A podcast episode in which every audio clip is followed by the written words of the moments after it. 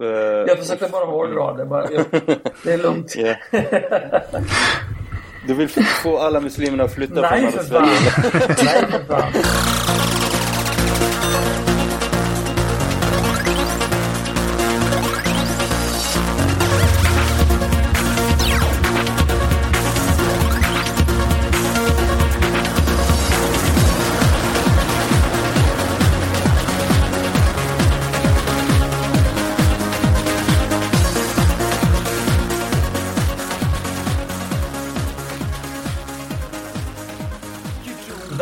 Välkommen till avsnitt 55 av podcasten Mellan svart och vitt. Vi är en podcast som pratar om tro, tvivel, samhällsfrågor och skepticism blandat med aktuella händelser och musik i en personlig anda.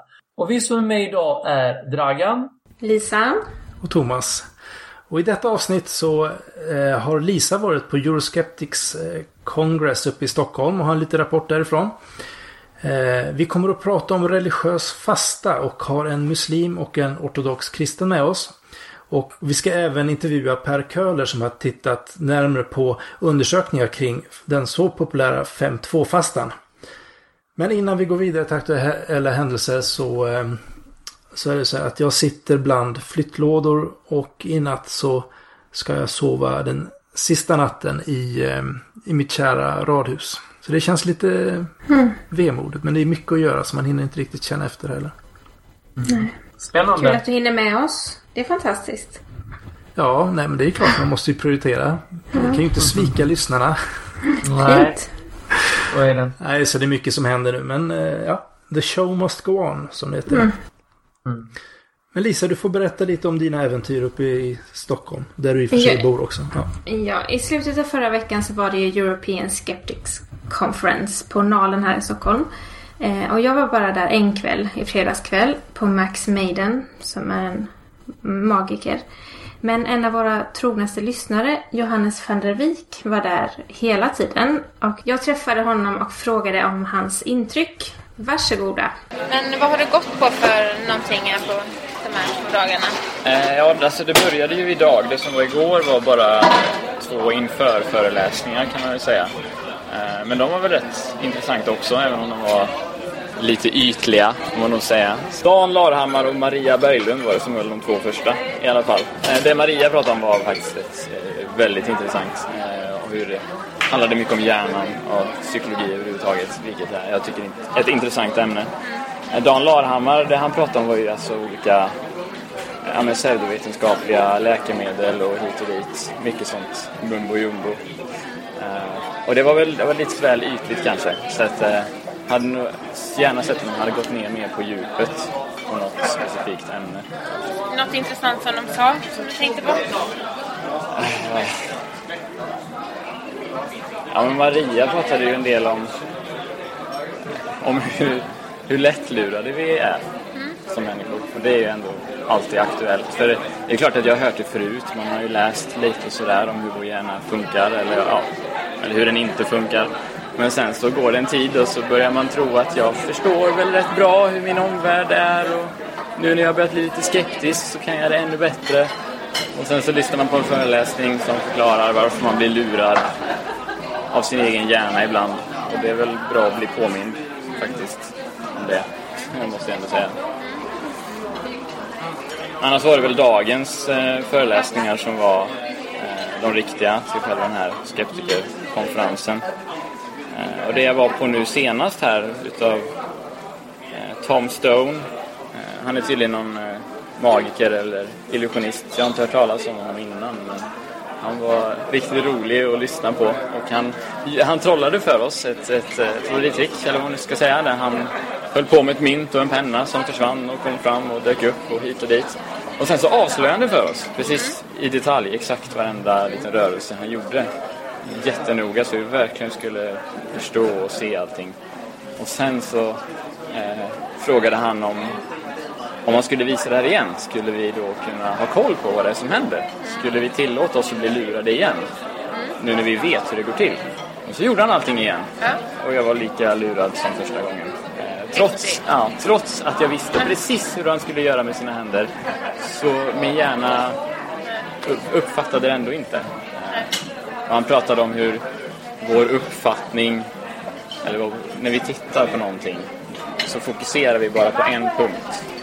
Och när vi tittar på någonting annat fokuserar vi bara på den punkten. Men vi uppfattar det som att vi ser allting tydligt och klart. Som att jag ser dig tydligt och klart. Och just nu fokuserar jag på din näsa till exempel. Och då ser jag inte så mycket vad du ska hålla på med händerna eller liknande. Och tittar jag på dina händer då ser jag inte vad du gör med ansiktet. Det är väl ingen slump att så många magiker är inne i skeptikerrörelsen. För det är att man har lärt sig hur lätt man duperar folk. Ja, det, det tror jag absolut. Det var ju eh, ytterligare en illusionist, eller magiker. Kristin Julstad hette hon.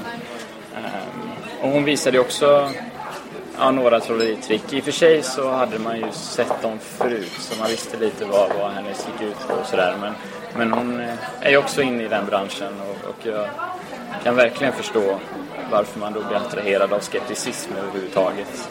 Är man duktig på att lura andra så vet man nog vad som gäller. Ja.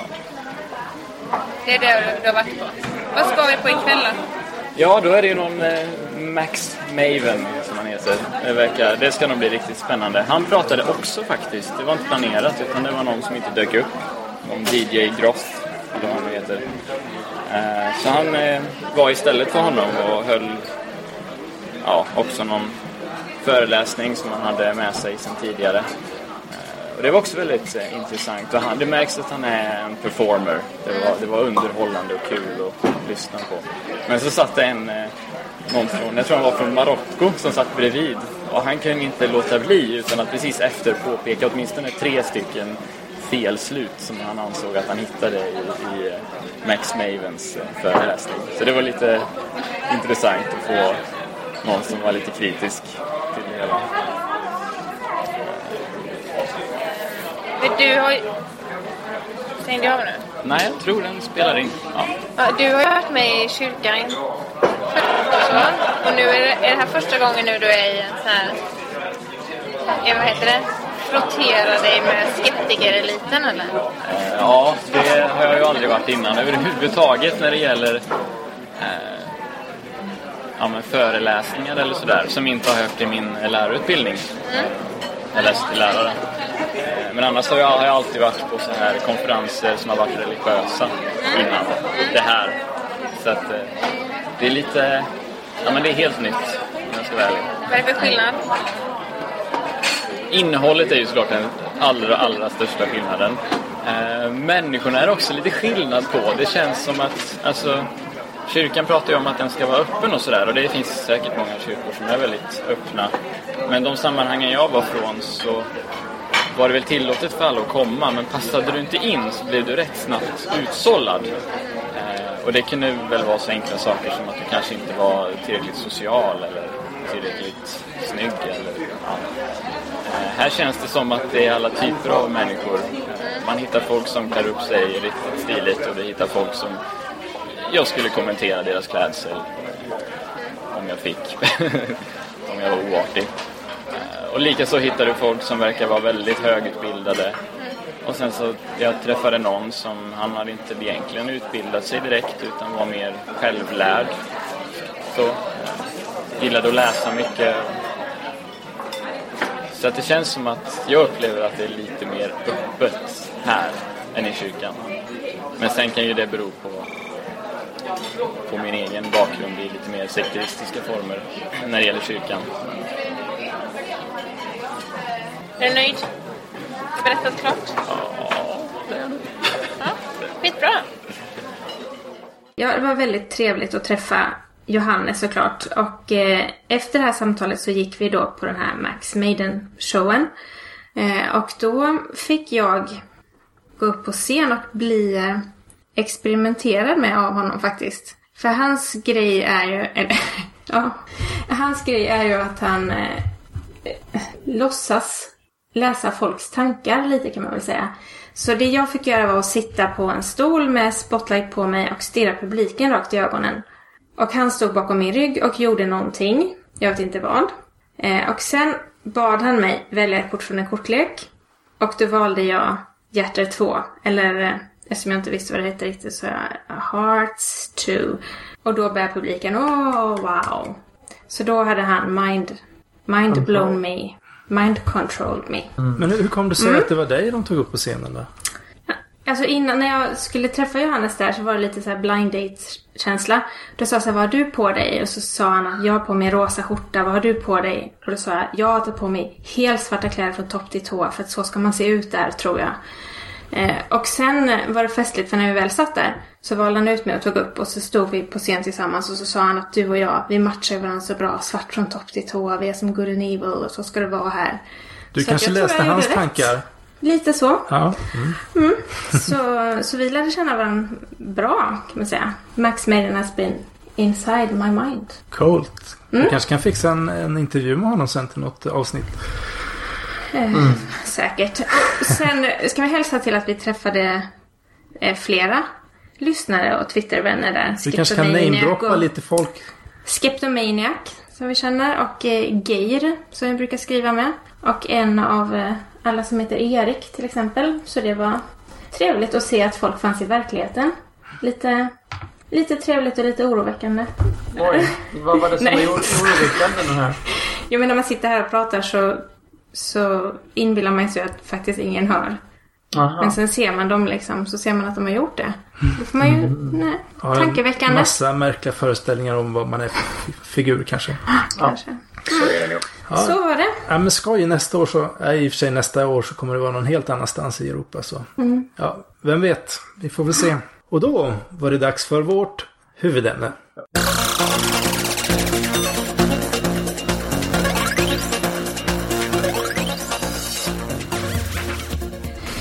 Att fasta vissa dagar eller att fasta under vissa omständigheter är en praxis som finns i de flesta världsreligioner.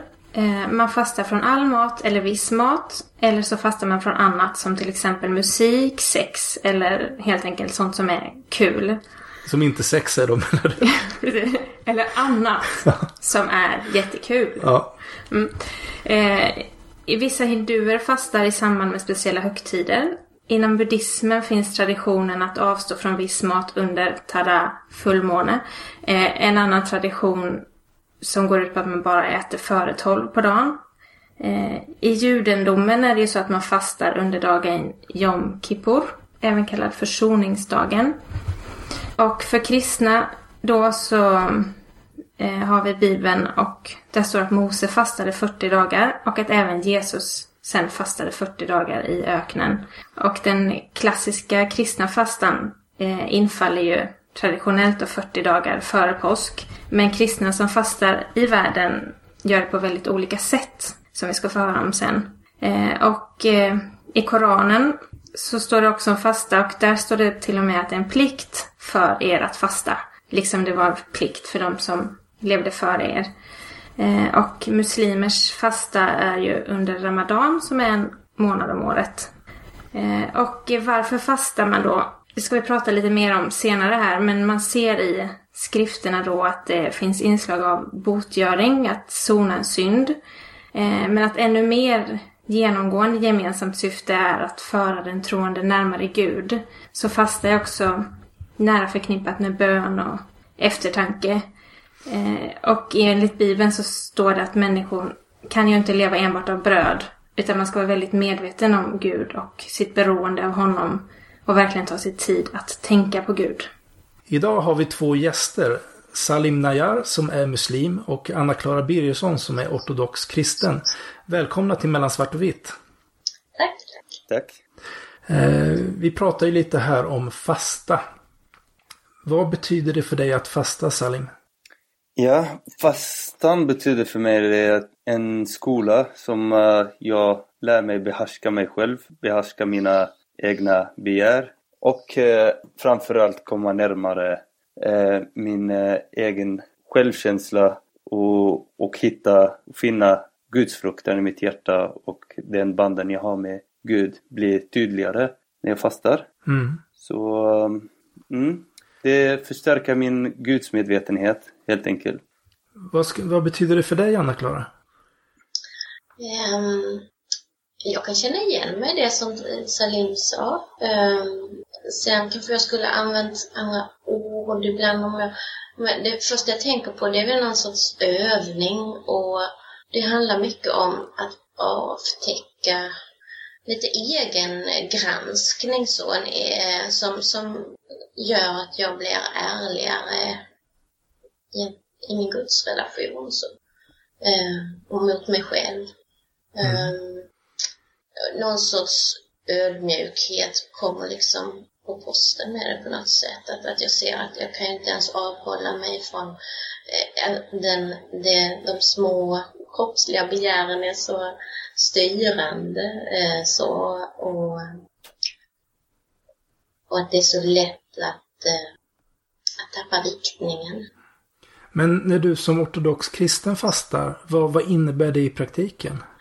Ja, där är ju en skillnad gentemot eh, som muslim. Då. Som ortodox eh, kristen så, så har jag onsdagar och fredagar varje vecka. Eh, och då är det inte fast att jag inte äter eller dricker utan det är att jag är, i princip är vegan.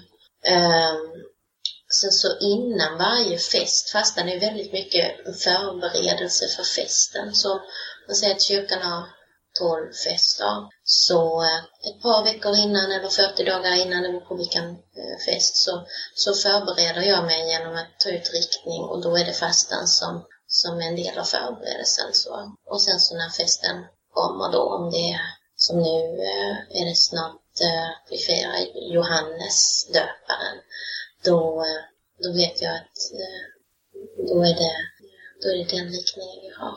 Okay. Är det även, förutom att man äter vegansk mat, är det, är det andra saker som man då eh, ja, gör på fastedagarna eller drar ner på eller?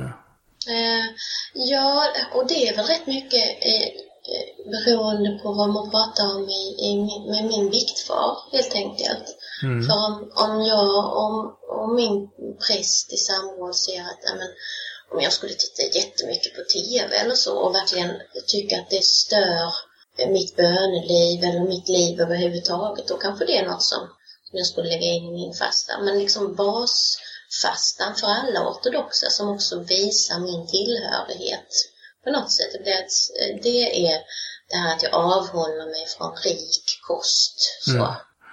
Jag tänker Salim, när man tänker på islam och fasta då tänker man ju lätt på Ramadan. Eh, är det enda gången som man fastar som muslim? Mm, nej, det är det inte.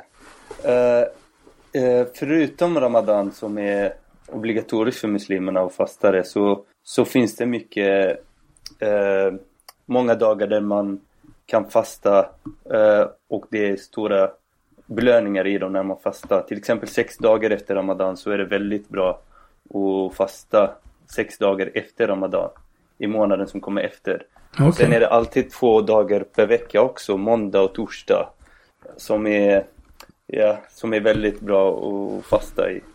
Så, så, så om man är ortodox och muslim så har man nästan hela veckan. Ja, precis.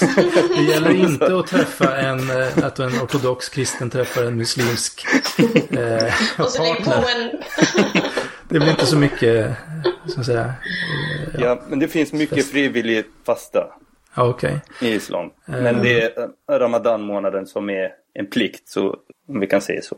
Men är det enbart praktiserande muslimer som fastar eller ligger det i traditionen även hos de som inte är så aktiva i sitt religionsutövande?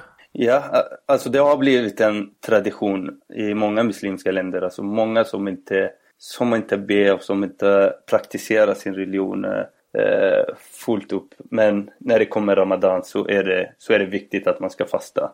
Så ja, att det har blivit en tradition, eh, det är självklarhet i den muslimska världen. Mm. Men, eh, mm. Sen tänker jag att, att jag tycker man hör eh, när det gäller till exempel Ramadan att på dagen då att man varken äter eller dricker. Är det så eller? Ja. Tills ja. solen har gått ner och då får man äta och dricka? Då får man äta och dricka. Okej. Okay. Ja. Är det inte fysiskt, det måste vara svårt att inte ens få dricka på en hel dag? Ja, alltså det beror på. Först är det, alltså om det är någon som är van att fasta, som mm. fastar hela året, så, eller inte hela året, att han fast, brukar fasta de här dagarna och sånt, så är det väldigt enkelt. Alltså fastan, för att vår kropp, kropp behöver inte all mat som vi eh, få i oss eh, varje dag. Men, eh, men alltså så kroppen vänjer sig. Eh, sen är det mycket, nu är det mycket fokus på, på mat och dryck och det är inte det som är det svåraste egentligen på fastan. Eh, det som är svårast är att kunna hålla sig från att tala illa om folk och, och, och det är det viktigaste i fastan. Och att inte göra många synder, alltså att minska synder, att fasta från synder. Och det, och det är den viktigaste delen. För att profeten, frid vare av honom, sa att Gud är inte i behov av din törst eller hunger om din fasta inte gör dig till mer så rättfärdig människa. Eh, eller ja, att inte hindra dig från att säga då, dåligt tal och handla efter det. Mm. Så det är det ligger mycket där att man ska försöka och, och, och behärska sig när det gäller alla luster, inte bara mat och dryck. Men allt som begäret och ego berättar till dig att du ska göra. Att du ska äta godis, äta godis, nej du ska behärska dig. Att du ska tala om den här människan, nej att man backar. Att kunna ha självkontroll. Men ska man inte alltid ha den självkontrollen då? Ja, men det, alltså det är en, det, det som jag sa innan, det här är en skola, uh, det är en uh, träning som man ska alltid ha en bra kondition. Men mm. man måste gå till träningen för att ha bra kondition. Så fastan så, är en träning då? Både det är en träning, det är en skola, och, ja. Ex och exakt. inte synda? Mm. Mm, det är väldigt okay. svårt att tänka annars att jag ska sluta äta idag för att jag ska träna upp min självkontroll när det gäller uh, mat och dryck. Att jag ska tänka på de fattiga. Då kommer den här, och det är alla eh, dyrkan i Islam, alltså förutom Ramadan så finns det också bön och allmosor Så kommer i vissa tider där man, man ska alltid eh, jobba med någon eh, självdisciplin. Till exempel när det gäller eh, allmosa, att man drar ner av eh, älskande av egodelar och pengar. Och att man verkligen får ut från sina pengar och ger till de fattiga. Och det är många som, alltså, ja för att ta kontroll av sina begär. Det är de flesta dyrkar. Och det finns en, en felaktig uppfattning om att dyrkan är gjord för Gud, att vi ger det för, till Gud. Han, I Islam så är det så att vi, Gud behöver inte vår dyrka. Det är för oss själva. Allt det vi gör är för oss själva. Om hela mänskligheten skulle dyrka Gud på det bästa sättet, det kommer inte att ge honom mer eh, eh, egodelar eller egon. Om alla människor hade slutat dyrka honom och varit det hade inte minskat av hans eh, storhet. Men det är för vår skull. Det är vi som mår bra av det. Eh, jag tänker Anna-Klara, finns det också inom eh, den ortodoxa kristendomen någon sån här längre fasteperiod? Jag tänker så här, det var intressant men det var intressant för däremellan kommer fastan, är det så för er också? ja, eh, visst alltså innan, innan jul och påsk då är de längre fasteperioderna. Hur långa är de? Och, eh, de är 40 dagar är de väl eh, så båda där om jag inte missminner mig. Jag har min lilla kalender så, så jag har det inte i huvudet så. Men jag tror det är 40 dagar. Det där med 40 är ju väldigt så det... eh, speciellt med ja, olika bibliska sätt. Men då är det veganmat i 40 dagar? Ja, och det är ju inte... Eh, alltså egentligen, eh, om man då kanske är vegan i vanliga fall, då får man det, det är väl också det här avståendet, att skala bort, att skala fram, att, att sätta de nivåerna som är, är lagom för en själv. Så mm. att det inte blir att man töjer sig så att man sen eh, så att det slår tillbaka men ändå att man har, och det är i samband med viktfadern. Mm. Och sen likadant om man sitter vid ett bord så, så eh, det har jag hört flera från olika håll säga, titta på din egen tallrik. Att, man, att det inte handlar om att jämföra sig med någon annan. Det är så lätt att man hamnar i hyckleriet. Mm. Och den gränsen där att, att, att du har din övning och någon annan har sin övning. Så. För jag tänker det är de som redan är veganer. Det är lite orättvist. Ja, ja just det. Men det är kanske andra ja. saker som de får jobba med då? Ja, eller? ja. Eh, det är det säkert. Och sen om man tänker, det är ju en tradition som ökenfäderna, eh, om man säger någon som är munk och har övat länge i livet, då skalar man ju bort så att man äter mindre, men har andra övningar. Eh, så jag vet inte riktigt vad, de kanske också sätter mer av de här eh, övningar som inte bara handlar om mat så, utan också andra eh, Mm. Dels så finns det ju här att man gör det som vi kallar prostrationer, alltså att man knäböjer i bönen. Och att bönen, att man ägnar mer tid åt bönen. Och kanske ägnar mer tid åt att hjälpa någon annan. Alltså det där att offra sig, att, att, kunna, att kunna sätta sig själv åt sidan. Hur är det, finns det en social press att man ska fasta? Jag slänger ut frågan till båda. Salim? Uh, ja, alltså som sagt, alltså religion som islam som de andra religioner också har i många länder har blivit, mycket av det har blivit en tradition. Från att vara en dyrka till att bli en tradition. Mm. Och då blir det felaktigheter att, att man skäms och, och det finns det här att eh, stolthet och rykte som kommer in.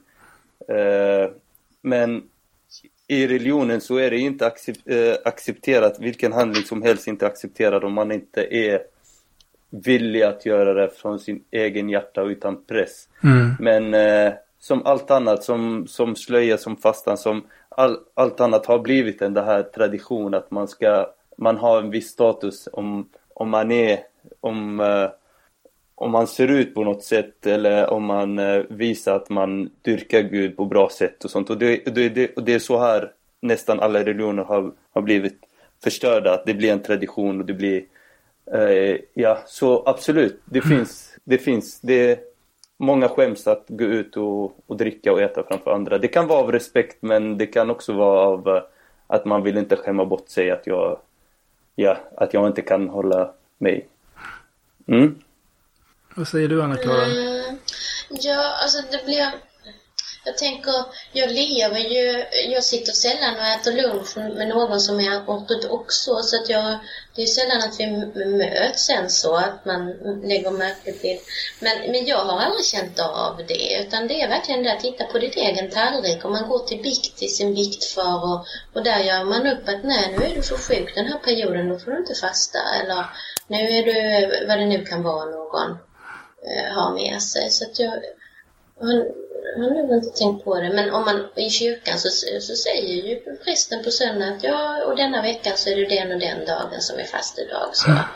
Och sen vad man gör, gör med det, det är upp till var sin samvete liksom. Jag tänker så här också. Eh, är du uppväxt eh, som ortodox, Anna-Klara, eller?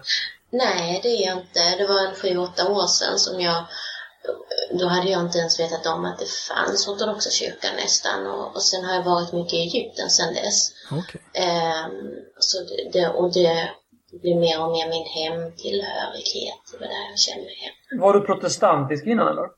Ja, jag är uppväxt i Svenska kyrkan. Vad fick dig att liksom byta?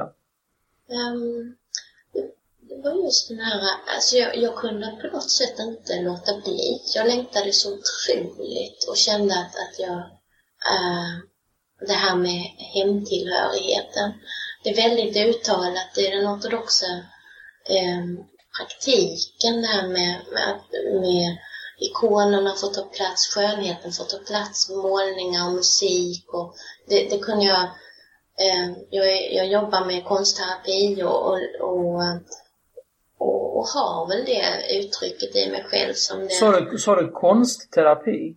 Ja, just det. Just det. Vad, eh, vad är det för något? Eh, ja, och det skulle kunna prata länge om, men det handlar om okay. det här att, att vad som är ett ärligt uttryck så att, med skapande och, och att kanske det kan vara en grupp som, som jobbar eller jag själv individuellt så att, att, att, ähm, att när jag hittar ett uttryck till exempel med färg eller med mm. lera eller med dans och, och få, få till någonting som är äkta genuint, då, eh, då sker det någonting. Så det kanske finns frågor som jag har som jag vill ha svar på eller någon i terapi behöver jobba med något så. Eh, så men det, så, så den här diskursen med skönheten, jag fick ett svar på den längtan i mig helt enkelt inom den delen av kyrkan. Sen, sen förnekar inte jag på något sätt att eh, andra delar av kyrkan, men, men min hemmatillhörighet är inom ortodoxin. Jag tänker Salim, hur, hur länge har du varit praktiserande muslim? Uh, ja, det sen jag flyttade till Sverige, jag upptäckte min egen religion här. Mm. Eh, jag var inte särskilt mycket praktiserande när jag var i Tunisien där jag kom ifrån. Men eh, när jag kom till Sverige så, och jag kom till Sverige för sju år sedan. Så blev jag mött av massa fördomar som jag inte känner igen av min egen religion.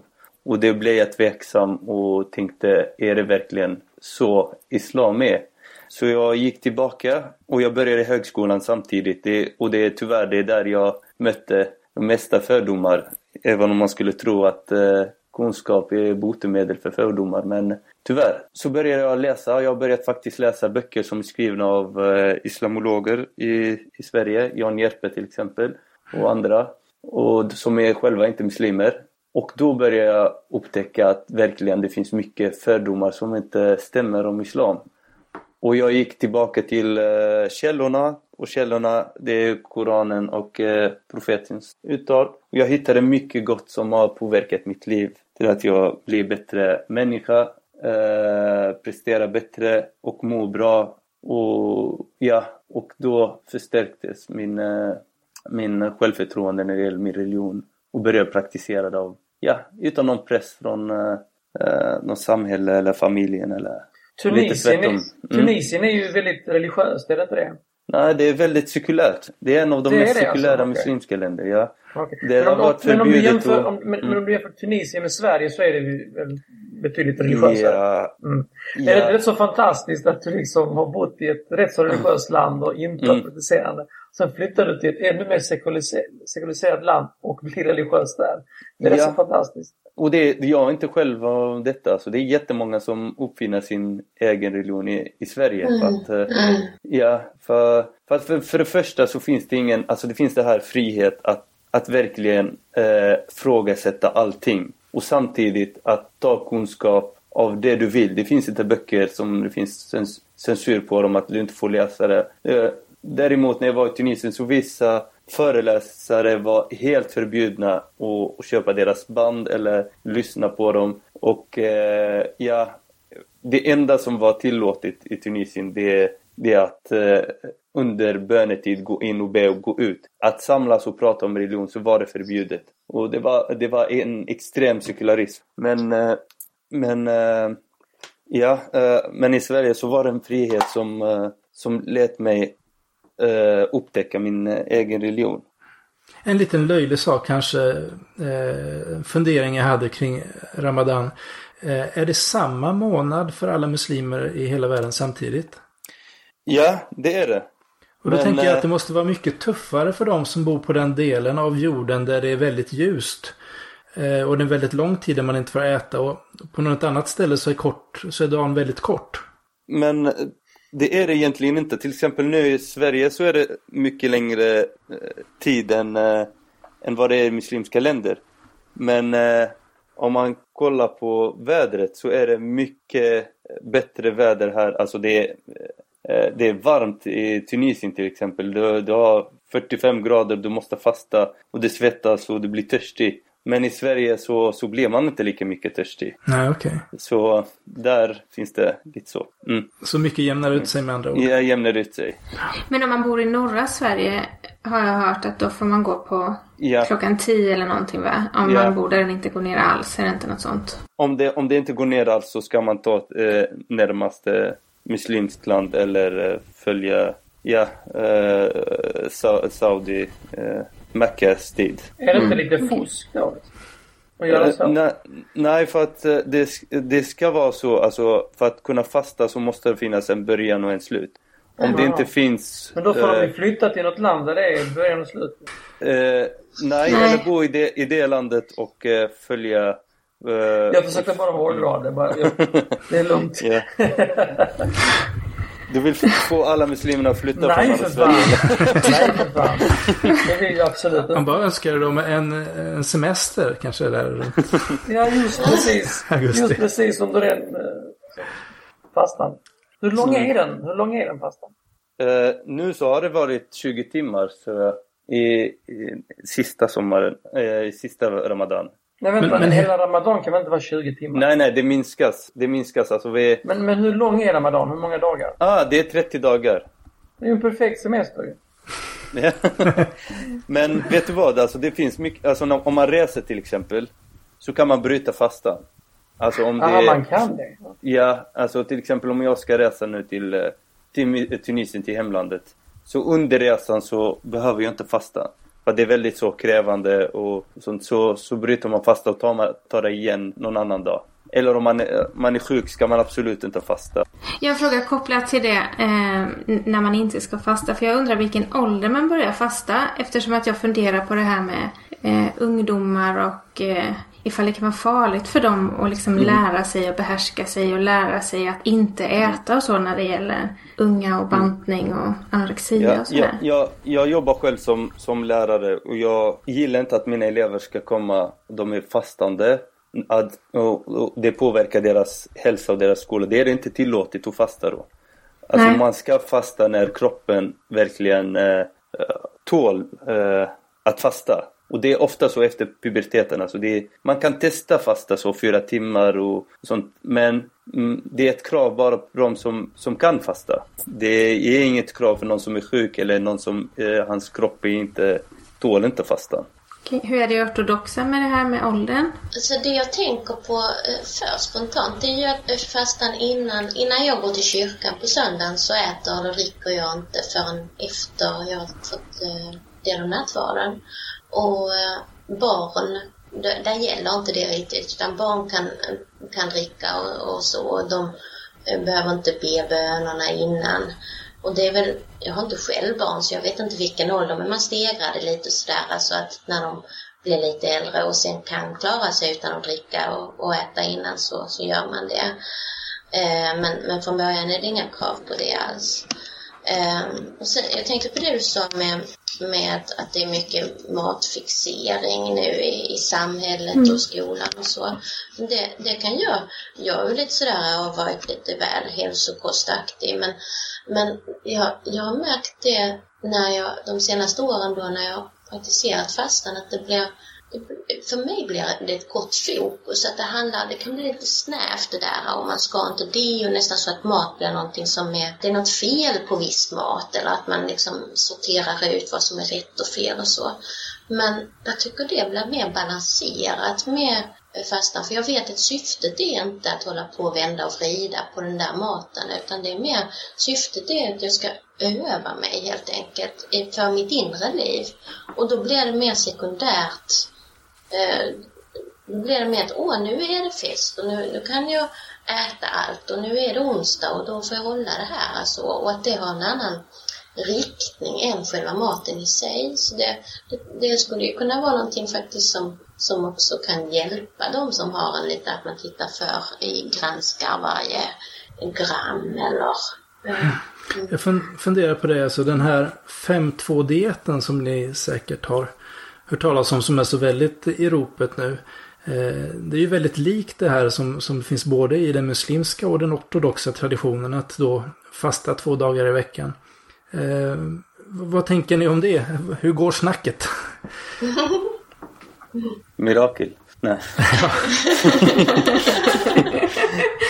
Men, men där, de har ju inte, motivet är ju, ja klart motivet hälsa då, det är ju okej också. Men, eh, men, men själva det där motivet att, att jag gör det för att, men det, det kan ju hända att det kommer på vägen för någon, att, att det här hjälper mig att komma närmare Gud för att det eh, minsta distraktionerna. Och då är det väl bra, men det kommer ju ur olika grundmotiv på ett sätt. Sen har det väl visat lite, vad var det jag sa? Det har vi vetat i Ja. tusen år. Just det. Ja. Men eh, vad kommer det här, alltså rent bibliskt eller från Koranen, vad, vad kommer det här just eh, ifrån att man ska fasta två dagar i veckan till exempel? Eh, i, det står inte i Koranen men det är eh, profeten, fred vare över honom, han, han fastade varje måndag och torsdag. Och eh, ja, så vi som muslimer försöker alltid att, att följa det som profeten har gjort. Det finns en anledning varför han gör det. Jag är inte säker nu men jag tror för att eh, handlingarna på torsdag, alltså det lyfts upp till, eh, till Gud så är det bra att det sista man har gjort är, är fastan. Men ja, Så det Och- finns, eh, det finns hadi- hadither som eh, pratar om det Hadith, här. Och, exakt, som Ja. pratar om det här. Att det är, det är bra att fasta måndag och torsdag. och Men sen det? alltså jag vill bara lä- lägga till det, alltså tro för mig, alltså det ska aldrig gå i, eh, när det gäller så vetenskap och tro, det ska aldrig vara en eh, motsägelsefull. Alltså det ska, genom vetenskap så kommer man komma fram till, till mycket som finns i religion. Och det som finns i religion kan man komma fram till det som finns i vetenskap. Och det ska gå ihop för att den som har skapat oss har skapat en förnuft, en intelligens som kan få oss att komma fram till hur kroppen funkar bäst. Så om... Och religion är gjord för att vi ska Men, men, men, bra. vänta, vänta, får jag störa här lite grann bara? Mm. Kroppen funkar bäst. Men kroppen Ja. funkar väl inte bäst när man svälter eller liksom inte, inte äter som man ska. Liksom. Varför, skulle, varför skulle kroppen funka bäst om man kör 2-5 fasta? Eller? Alltså, var, var, var kommer de teorierna ifrån? Ja, alltså jag, jag, jag är själv nu inte en eh, biolog eller en, eh, en eh, läkare men, men massa av dagens sjukdomar kommer från mat. Och det är någonting som nästan alla är överens om. Alltså, Att, att Näst- sjukdomarna kommer från mat? alltså det är maten vi får i oss. Alltså det är jättemycket som kommer därifrån. Mycket, många av sjukdomarna kommer från det vi äter.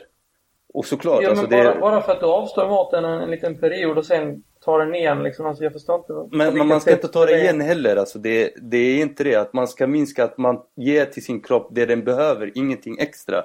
Och, Men det kan man ju eh, göra utan att fasta. Liksom. Ja, ja absolut. Alltså det, mätt, liksom.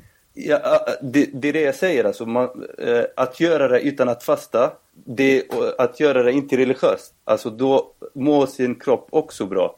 Det betyder inte att alltså den som avstår från så mycket mat och sånt av icke-religiösa skäl når inte upp till det här målet. Att sin kropp ska vara, uh, må bättre. Och eh, det är... eh, Alltså alla som har testat fasta vet att sin kropp mår mycket bättre, speciellt efter Ramadan månad. Man känner sig mycket lättare, man har gått ner några Det, kilo, det man gör har man mer efteråt, kontroll. alltså när man börjar äta igen menar du? Eller? Det är det då man känner att det, det blir bättre?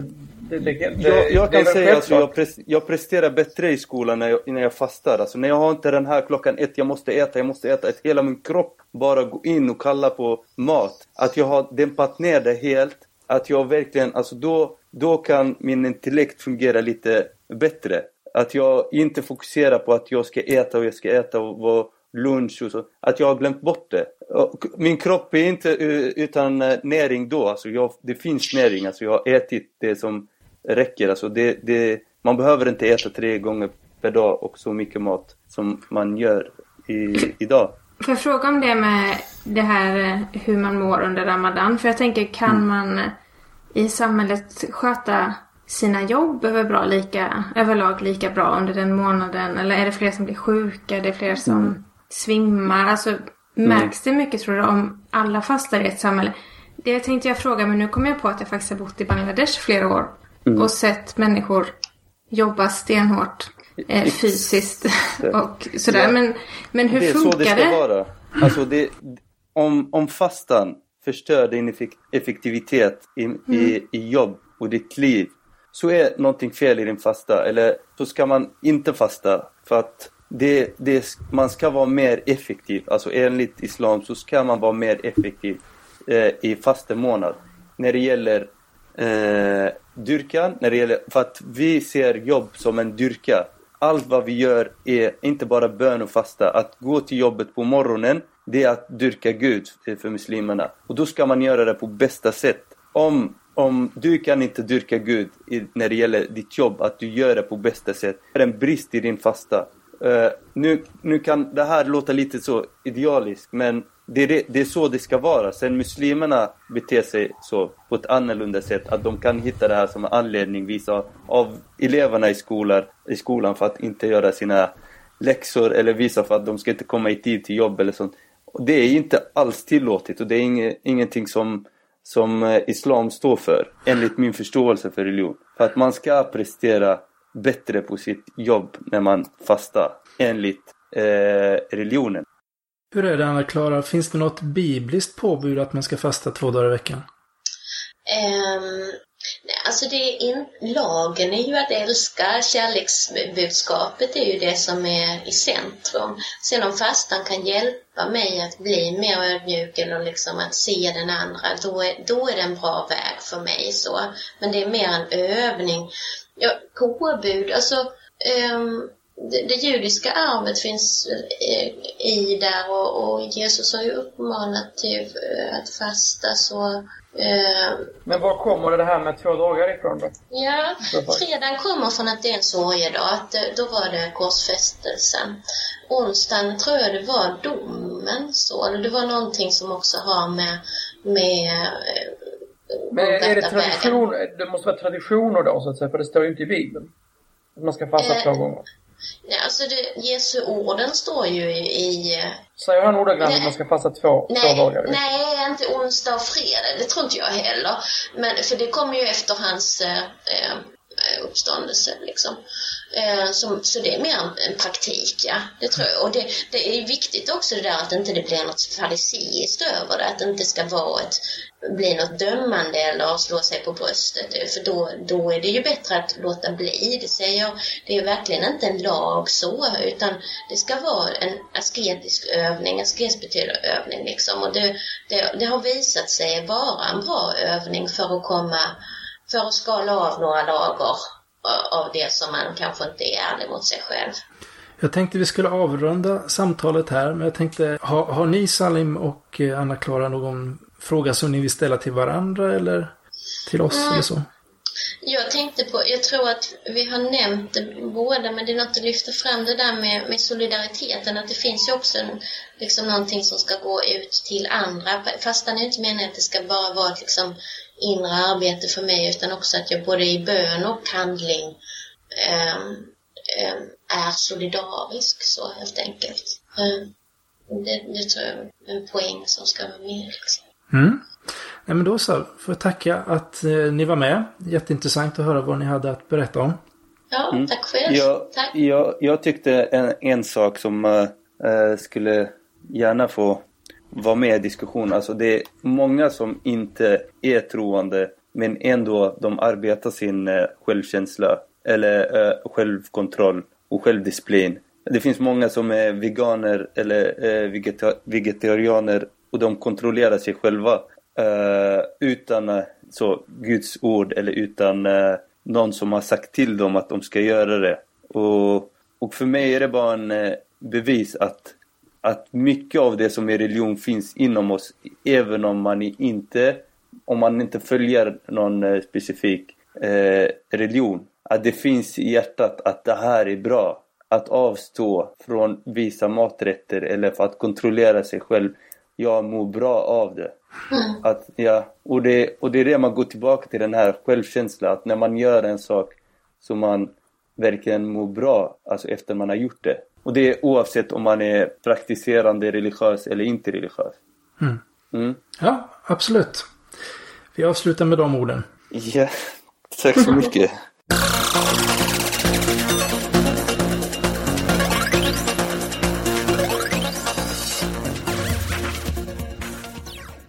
5.2-fastan har ju blivit väldigt populär och eh, vi ska prata lite med Per Köhler som har studerat lite vad det finns för studier och så på den så här långt. Så att eh, vi kör den. Men du, du är doktorand här? Jag är doktorand på medicinska fakulteten. Okej. Okay. Eh, men eh, jag är så kallad, så, som tvärvetenskaplig som fakulteten. Mm. Så jag jag utveckla, har utvecklat eh, en ny typ av eh, elektrod för att göra neurofysiologiska registreringar på LTH. På Elmät hette det förut. Nu är Institutionen för elektromätteknik, nu har jag bytt namn. Men jag vet inte vad de heter längre. Mm. Sen så nu håller jag på att implantera med råttor och göra registreringar och utvärdera vävnadsrespons på det och sånt. Mm. Sen så går jag läkarutbildningen samtidigt. Okej. Okay. Men du började ju titta på det här med 5-2-fastan. Mm. Hur kom det sig att du började titta på det? Ja, därför att uh, det är en av de sakerna som inte är så himla lätt. Faktiskt. Det är, det är, det är en, så här, bara en mastodont av, av, forskningsmaterial som är nästan helt ogenomträngligt. Där, där, där, säger man att även bara kolla på PubMed, då är man ganska arrogant. Mm. För att det, man ska ha tid och man ska ha lite kunnande och det är lite oöverskådligt. Men nu råkade jag kunna lite grann i alla fall. Så tänkte jag att ja, men då kan jag göra det. Så bara lägga ut det så få försöka förklara så att vettigt folk kan uh, förstå lite grann i alla fall. Det är ju inte på något sätt uttömmande. Det, Ja, för att du sammanfattade en hel del saker på Twitter och la upp en sån här storyfy där man kan följa eh, dina olika saker du hittade. Eh, vad kom du fram till egentligen? Jag har själv funderat lite på den här 5.2-fastan. Är det någonting... Rekommenderar man det från vetenskapligt håll? Eller finns det, Ja, finns det liksom jag, belägg och alltså, sådär? jag, kollade på en väldigt alltså, Jag kollade på en väldigt specifik sak. Jag kollade inte på om 5-2 är effektivt för att gå ner i vikt till exempel. Eh, vilket, så, jag gjorde jag, jag tittade men det är ingenting jag inte eh, tog upp på Twitter. Eh, så vitt jag förstår så är det, det är inte sämre än all, alla andra bant- bantningsmetoder i alla fall. Så, eh, vill man testa någonting så ja, det kan mycket väl funka. Liksom. Eh, däremot så är den lite speciell just för att den... Alla de här... eh, Vad fan heter de nu? Eh, LCHF och Montagnac och alla såna här, alla såna här metoder, Atkinson. De, de, eh, alltså, I grund och botten så är det en sak som gäller och det är att så här, ät färre kalorier. Så går du ner, i vikt. Det är liksom ingen... Det är, det är inte raketforskning. Eh, utan de, det, det, det som gör dem speciella är att de eh, försöker hitta någon slags partytrick som gör att man, att det blir lättare att äta mindre. Liksom. Att, att, bara vara, Ketosen. att, bara vara, att bara vara hungrig hela tiden är jobbigt. Så då, ja, precis. De, som, eh, de, de kolhydratfattiga dieterna de eh, gör ju att man eh, får en, ett ketonrus helt enkelt. Och det är ganska så här angenämt har jag hört. Jag, Som sagt, jag, jag har aldrig upplevt det själv. Jag har men- själv gått på Montagnac ett halvår. Eh, nu vet jag inte om man går riktigt in i ketos i Montagnac eftersom man äter mer kolhydrater där än vad man till exempel gör i Atkins och LCHF. Eh, Så att jag tror inte riktigt man går in i, i ketosen utan det är någon typ av fransk lyxvariant av GI-metoden där man äter fina ostar och, och helst. Ja. Jag gick ner 20 kilo på ett halvår på den. Sen gick jag upp dem av någon anledning Finns det någon. Montagnac-metod med, med lite mer bakverk i så är jag helt för. Nu finns de här bakverken med mycket smör och, och grädde och kakao och sånt. Ja, men mycket socker är bra också. Det, tror- det tror jag på. Ja, det, det faller rätt där. Men inte ändra karaktärsdragen. Men, utan jag, jag, jag är mer, alltså, men just det här partyverket som eh, 5.2 verkar ha, alltså den, den, den, den har ju aldrig så den, den måste ju hitta något annat då. Och eh, om man lyssnar på förespråkarna så, nej men vi, vi är inte hungriga och vi, vi mår så bra och det är så mycket välbefinnande och så. Och alltså, man behöver ju inte tvivla på det, det är inte så. Men eh, om det är så, då beror det, då beror det på någonting. Det, det har inte bara så här magiskt uppträtt. Så då, då tänkte jag att jag skulle läsa på. Så, eh, den, och det förefaller ju här, utnyttja samma så här, kryphål i vår aptitreglering som gör att man, att man faller dit i anorexia. Ja. Eh, och jag, jag tyckte att det var intressant. Eh, det, det är inte så att jag direkt eh, eller sä- säger att man absolut inte ska testa 5.2 men det, det finns det här sambandet. Eh, och eh, jag tycker man, det, det kan vara intressant att veta om man har tänkt försöka. Men det är en bakgrund också till att man avråder då om det är så att man har någon ätstörning så är det inte en bra... Och rent kliniskt, alltså hur, vad man kommer med för reko- rekommendationer till ätstörda, det vet jag verkligen ingenting om. Det vågar inte uttala om. Ehm, Men eh, jag skulle gissa att eh, för har, har man en historia ätstörning så tror jag att det viktigaste är att eh, ha, återfå ett sunt förhållande till mat. Och då kanske det, man ska skita i huruvida man väger, har liksom så här 24 eller 23 BMI. Min, eh, min podcastkollega Dragan han undrade om, om det överhuvudtaget finns några positiva effekter av att eh, fasta. Eh, Det verkar finnas. Ja. Um, ja, det skummade jag väldigt, väldigt översiktligt för att jag är inte så intresserad. Men, eh, Eh, en del av... En, jag läste, om man kollar de här review-artiklarna, så, eller artiklarna som publiceras av anhängare så... eh, det finns ju... Det, det, det, det, eh, fasta förbättrar ju blodfetter och sånt om man har problem med det. Och, så finns det de här jättelångtgående påståenden om att det skulle leda till någon slags epigenetisk eh, förbättring som jag inte ens en gång orkar intressera mig över. Eh, men, vad innebär epigenetiskt här? ja, du. Låt, låt oss inte öppna den dörren. Men eh, det, finns en, eh, det finns en klassisk studie av eh, eh, Holland. Alltså, jag, kan inte komma ihåg om det är Rotterdam eller Amsterdam. Under andra världskriget så blev, upp, uppstod det svält för att det fanns inte mat. Och, eh, det, det, svälta är ju dåligt. Men det visar sig att de här människorna som under ett par år svalt ganska så allvarligt eh, levde väldigt länge. Och, eh, eh, det här var på något sätt nyttigt för dem. Och inte nog med det, utan deras barn sen eh, blev, som, som inte var födda då ens en gång. Och då har man börjat eh, titta på hur inte bara DNA bestämmer ärftlighet utan även där metyleringen av DNA och hur cellerna påverkar DNA. Det, är- det här forsk- men be mig inte uttala mig Nej, politik. för vet. alla, alla vill ha en åsikt om det här jävla fältet och det är väldigt sällan någon som säger något vettigt. Så jag vill inte vara en av dem. Ja, jag förstår. Vi hade en gäst eh, som var raelian. Om du vet vad det är. Ja, jo, tyvärr är det. Och de vill ju gärna förlänga sitt liv eller uppnå evigt liv i stort sett. Eller inte riktigt evigt liv, men ett långt liv i alla fall. Med hjälp av vetenskapen. Och de tittar ju på det här med att äta mindre och så vidare. Och det finns väl... Jag kan tänka mig att de tittar på den där typen av studier Ja, till exempel. det finns ju... Så finns det ju en massa andra studier. Men om man, om man eh, äter väldigt lite så skulle det minska telomerasaktiviteten som, gör, som är ett eh, enzym som på något sätt åldrar våra celler och så vidare. Och det ska vara nyttigt så kanske sant, vet jag. Eh, och så, men det jag tog med lite grann igår på Twitter, det, det, det är de här väldigt bisarra studierna som dyker upp. Att eh, om man eh, sätter råttor på 5-2-dieten så, så gör man, eh, utsätter dem för ryggmärgstrauma. Att man helt enkelt bara, eh, i princip stoppar en kniv i ryggen på dem.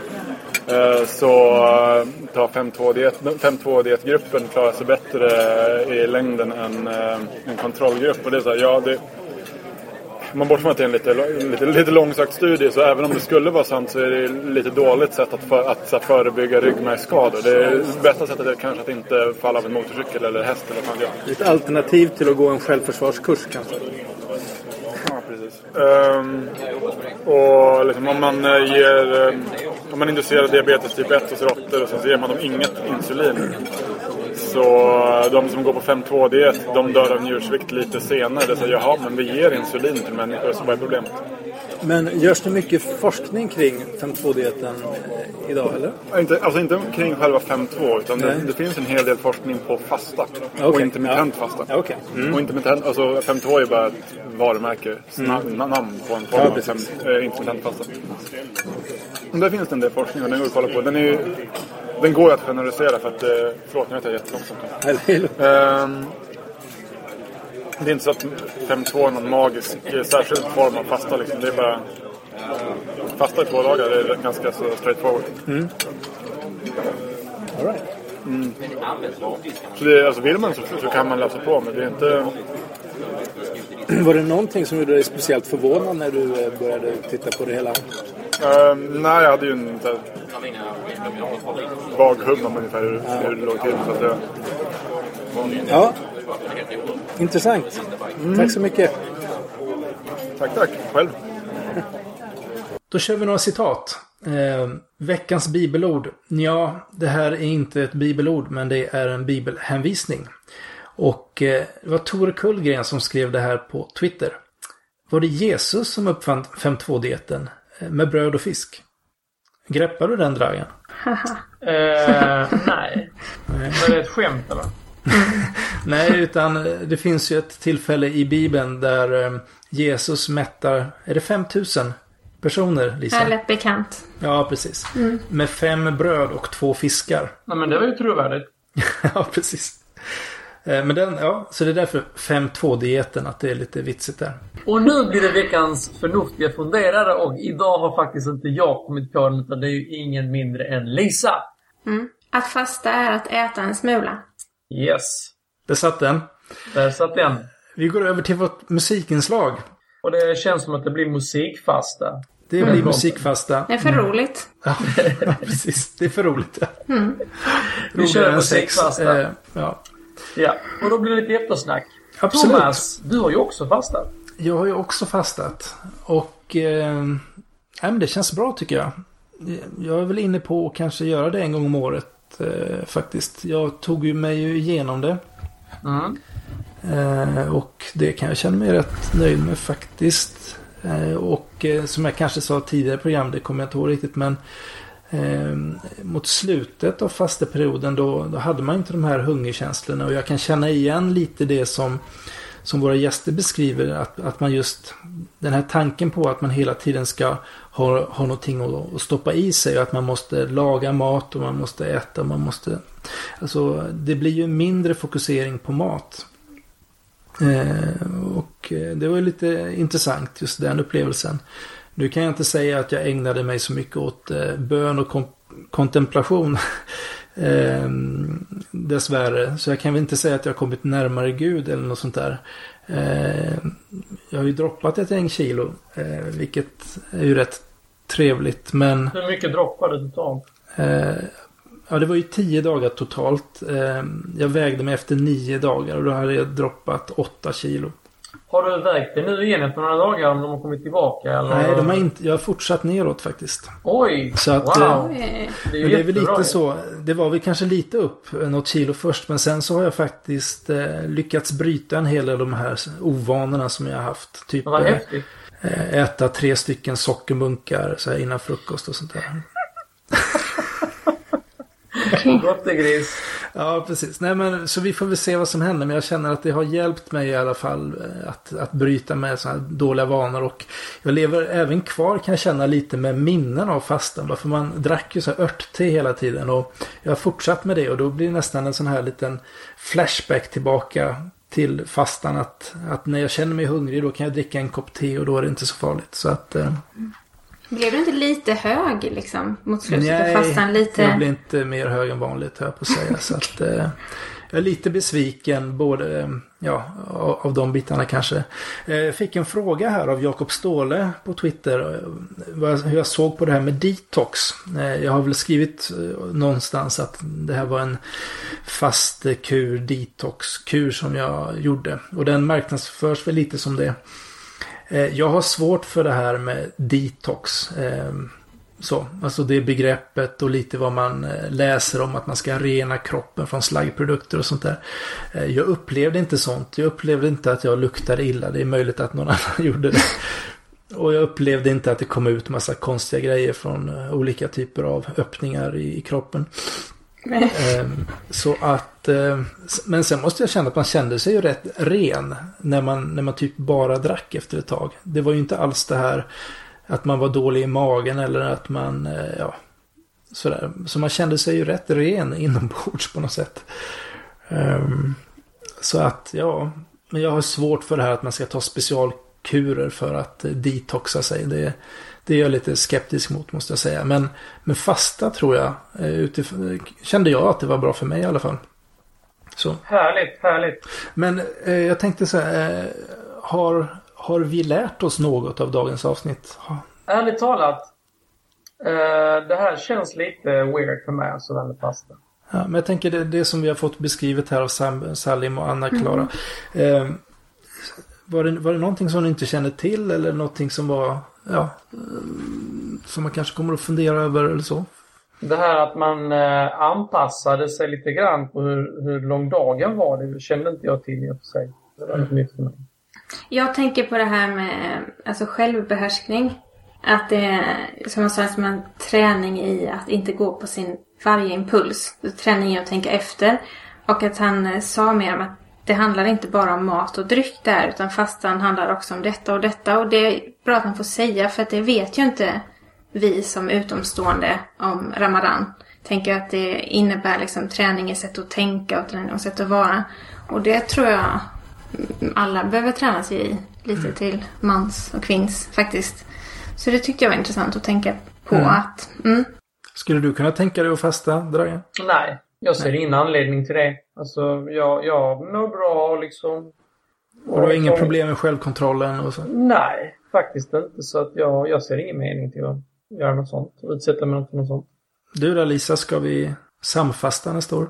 Alltså jag vill inte lägga så här fokus på mat och Nej. inte prata om så här, alltså kroppsligen så här vikt, dåliga vanor, hälsa så mycket. Jag har två döttrar. Och jag tror egentligen grejen är att inte prata om sånt alls. Har jag kommit på mer och mer. Nu är en av dem 13.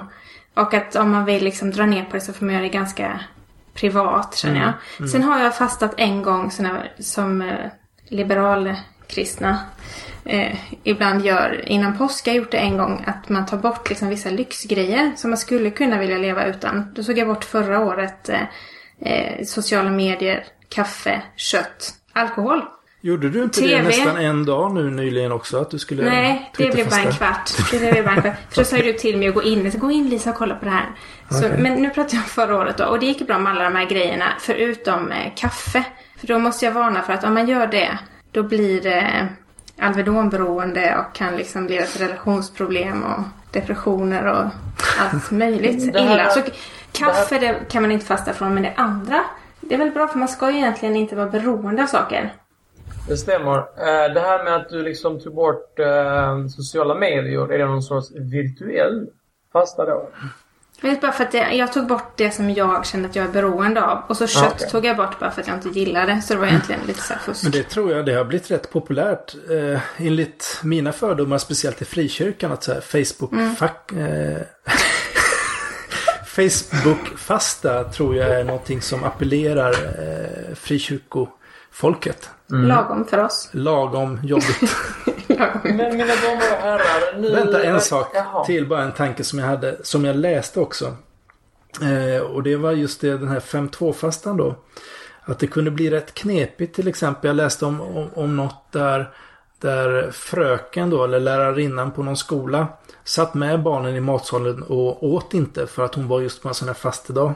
Att det gav väldigt konstiga signaler till, till barnen. Mm. Man Det var- tycker ju det. Ja. Det var bara det jag ville säga. Nu kan du eh, runda av Dragan. Nu är detta avsnitt till sin ända. Så att eh, vi vill tacka alla lyssnare för att ni lyssnar. Ha det så bra allihopa. Hej då! Hej då! Och idé till det här avsnittet och även kontakten med Salim var vår kära redaktionsmedlem Lina Hedman ansvarig för. Du har lyssnat på podcasten Mellan svart och vitt. Vi finns på iTunes och på www.mellansvartovitt.se där du även kan kommentera avsnitten. Följ vår Facebook-sida och vårt Twitterkonto som heter svart vitt. Vi andra har Twitterkonton Thomas Schoberg, Draganist, Tant Erik och Lisa Emilia A. Vår jingel är gjord av Dragans band The Lounge.